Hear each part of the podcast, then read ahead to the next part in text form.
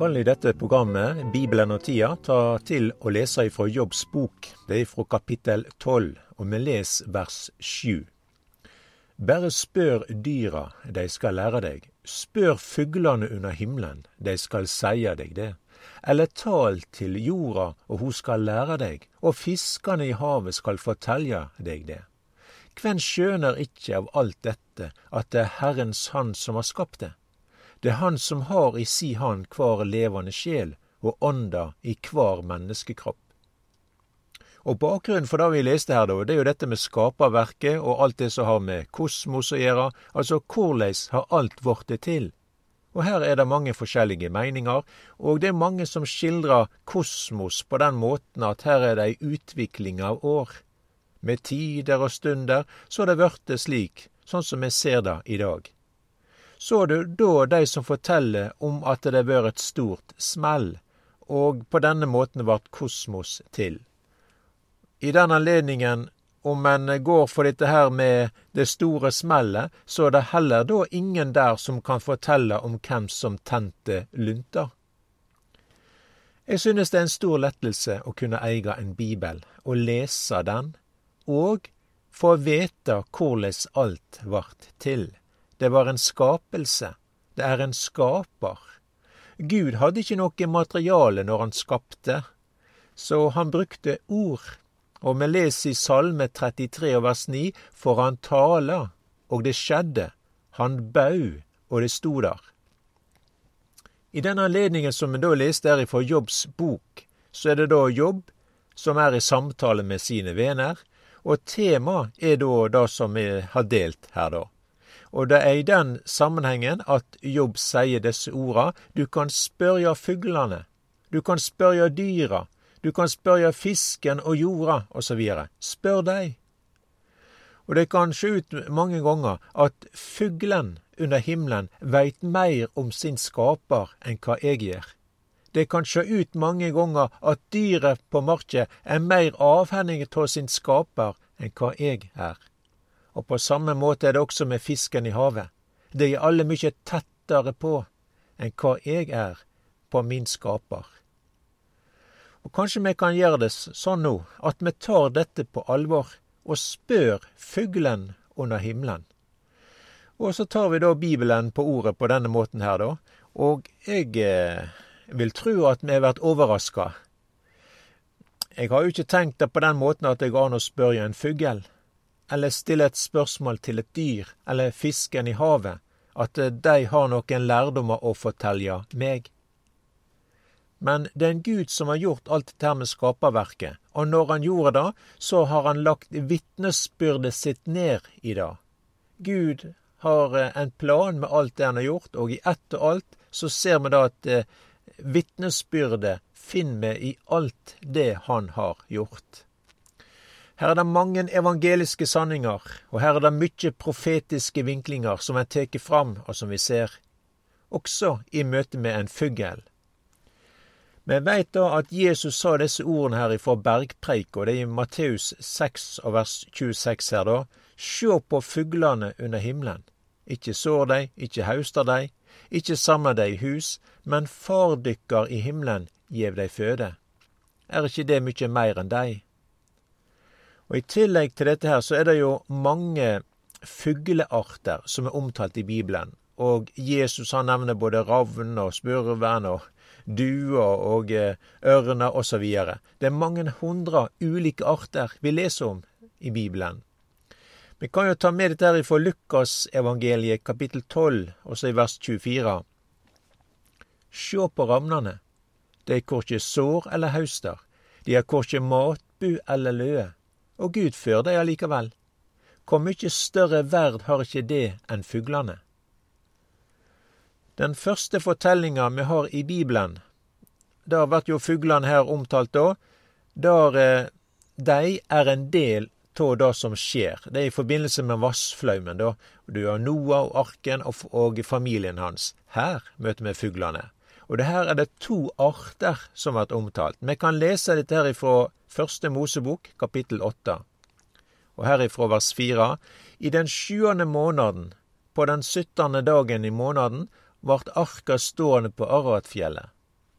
og vatnet helt framme og minka like til tiende måneden. I den tiende måneden på den første dagen i måneden kom fjelltoppene til syne. Da 40 dager var omme, åpna Noah den luka han hadde laga på arket, og slepte ut en ravn. Han fløy fram og attende heilt til vatnet hadde tørka bort fra jorda. Så sender han ut ei due for å sjå hva vatnet hadde siget unna fra overflata på jorda. Men dua fann ingen hvilestad for foten sin, og hun vende attende til han i arket, for vatnet dekte heile jorda.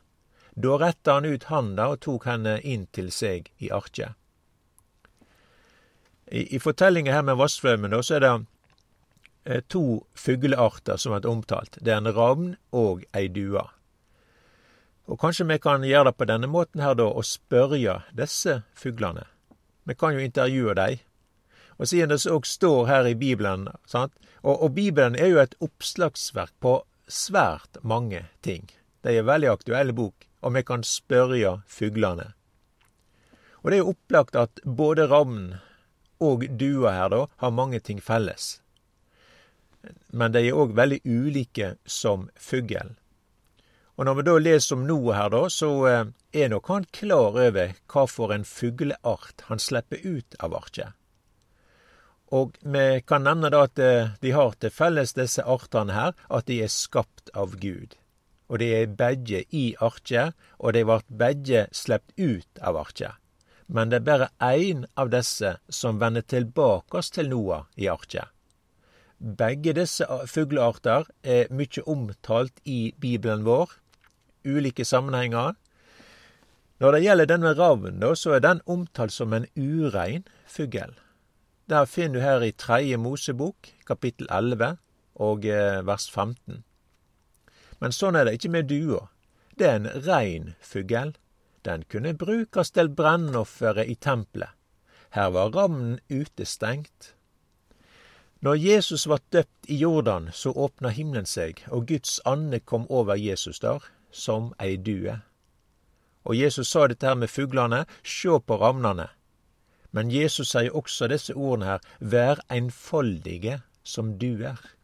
Og Dette finner du i Matteus 10 over 16. Vær enfoldige som duer.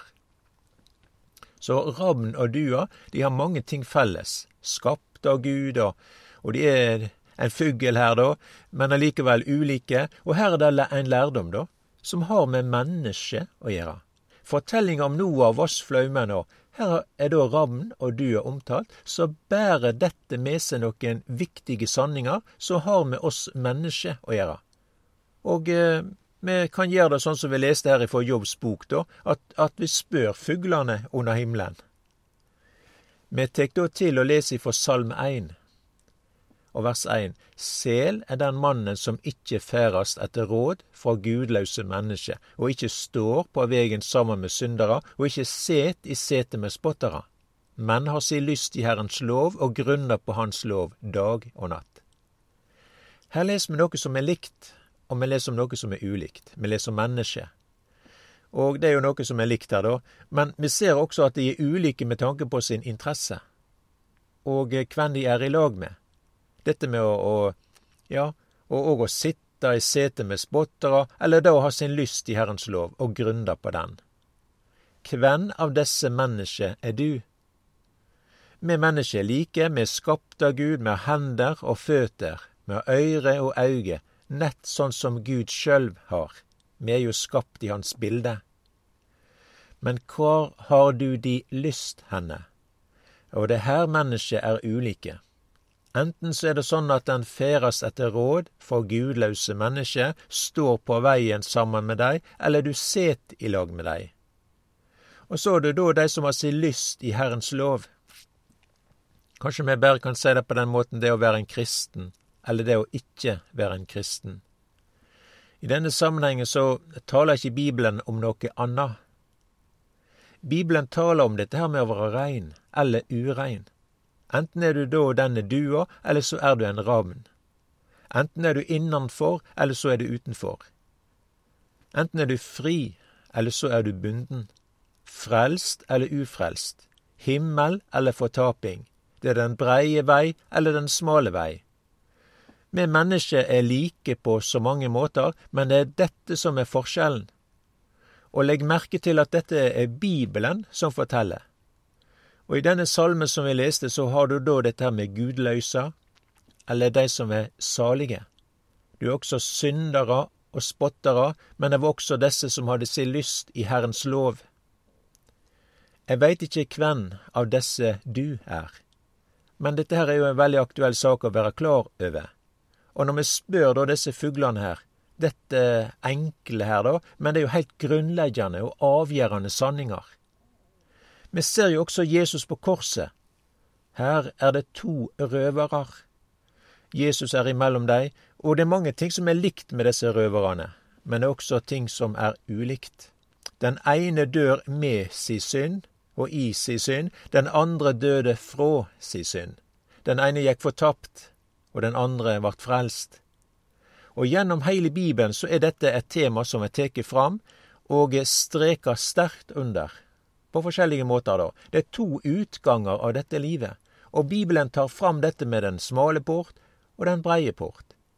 Den smale er til himmelen, og den breie er til fortapinga. Jesus fortalte også om kveiten og ugraset i åkeren.